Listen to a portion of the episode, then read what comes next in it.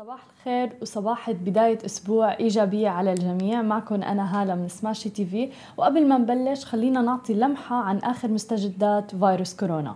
وصل عدد الإصابات حول العالم لحوالي 308 آلاف حالة إصابة حتى الآن.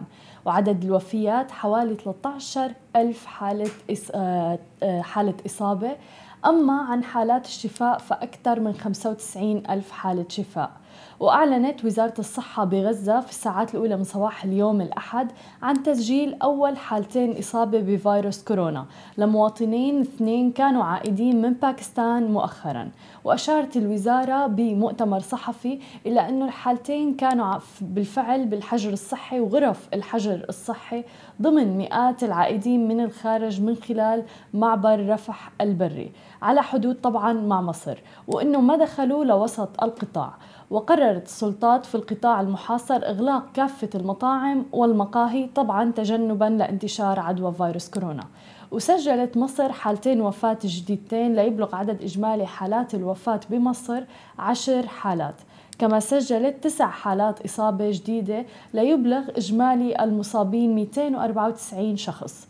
وأوضحت وزارة الصحة المصرية أنه حالتين الوفاة كانوا بمحافظة الجيزة إحداهما لسيدة بتبلغ من العمر 68 عام والأخرى لرجل يبلغ 75 من العمر. هاي كانت المستجدات عب لفيروس كورونا. أما عن خبرنا الأول من دولة الإمارات فقد وصل عدد حالات الإصابة بدولة الإمارات ل 153 حالة إصابة و38 حالة شفاء. وتم الإعلان عن حالتي وفاة يوم الجمعة أحدهم من الجنسية العربية قادمة من أوروبا وبيبلغ من العمر 78 عام. وتبين أنه سبب الوفاة كان نوبة قلبية تزامنت مع إصابة الفيروس. والآخر كان من الجنسية الآسيوية مقيم وبيبلغ من العمر 58 عام. وكان بيعاني من عدة أمراض مزمنة مثل مرض القلب والفشل الكلوي أيضاً. لذا أعلنت دولة الإمارات إغلاق مؤقت للشواطئ العامة والخاصة والحدائق والمسابح الخاصة والعامة بالإضافة أيضا إلى دور السينما وصالات الرياضة المخصصة للتدريب مؤقتا اعتبارا من يوم الأحد ولمدة أسبوعين قابلين للمراجعة والتقييم. بالإضافة قننت عمل المطاعم والمقاهي ومنافذ تقديم خدمة الأكل والشرب للفترة نفسها. طبعا أيضا قابلة للمراجعة والتقييم على أن تقوم بتلبية طلبات التوصيل للمنازل واستضافة زبائنها بواقع 20% من طاقتها الاستيعابية. فشو بيعني هون بتقنين آه، استخدام المطاعم والمقاهي؟ إنه المطاعم رح تستوعب 20% من طاقتها الاستيعابية وقدرتها على آه، استيعاب الزبائن في المطعم نفسه ولكن الباقي رح يكون ديليفري وطبعا لازم على المطاعم والمقاهي مراعاة المسافات اللي هي التباعد الاجتماعي واللي المفروض لا تقل عن مترين شريطة تطبيق إجراءات أيضا التعقيم وشروط الصحة العامة. طبعا مع استثناء الأكشاء الخارجية والطلبات الشخصية اللي بيقوم فيها الزبائن بأنفسهم بيستلموها بأنفسهم. وبدأت إمارة دبي ببرنامج تعقيم الشوارع أيضا للحد من انتشار فيروس كورونا وبدأوا بديرة ومستمرين لمدة 11 يوم.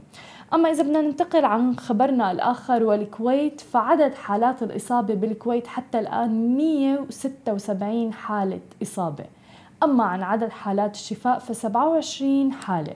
وتم الإعلان عن فرض حظر تجول جزئي بكافة أرجاء البلاد اعتبارا من اليوم الأحد وذلك في الفترة من الخمسة مساء وحتى الرابعة صباحا يوميا حتى إشعار آخر.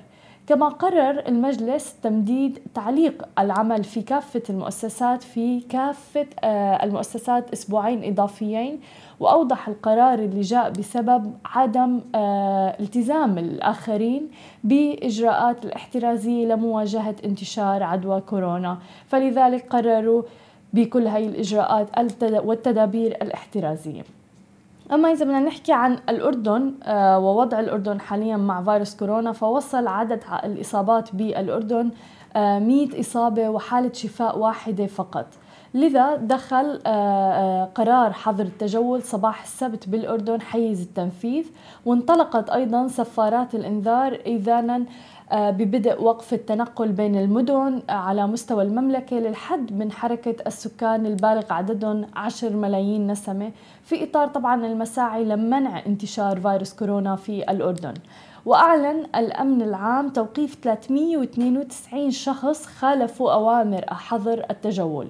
ولافتين أنه بعض المخالفين اعتبروا الحظر غير جدي وباشرت أمانة عمان برش الشوارع والمحلات في العاصمة أيضا لتعقيمها وتطهير الشوارع بعد فرض حظر التجول.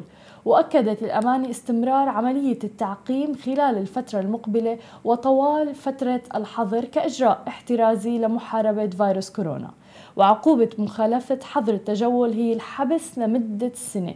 يعني أي شخص رح آه، يخالف هذا القانون رح يتم حبسه لمدة سنة.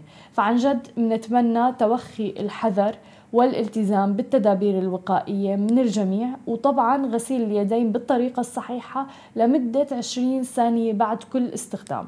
وصدقا عن جد ما في داعي للخروج من المنزل إلا للضرورة القصوى. هاي كانت كل مستجدات فيروس كورونا وكل أخبارنا الصباحية لليوم. بشوفكن الساعة تنتين ونص بأخبار مفصلة أكثر وأكيد ما تنسوا تتابعونا على كل مواقع التواصل الاجتماعي الخاصة بسماشي تي في وتسمعوا البودكاست تبعنا. نهاركم سعيد.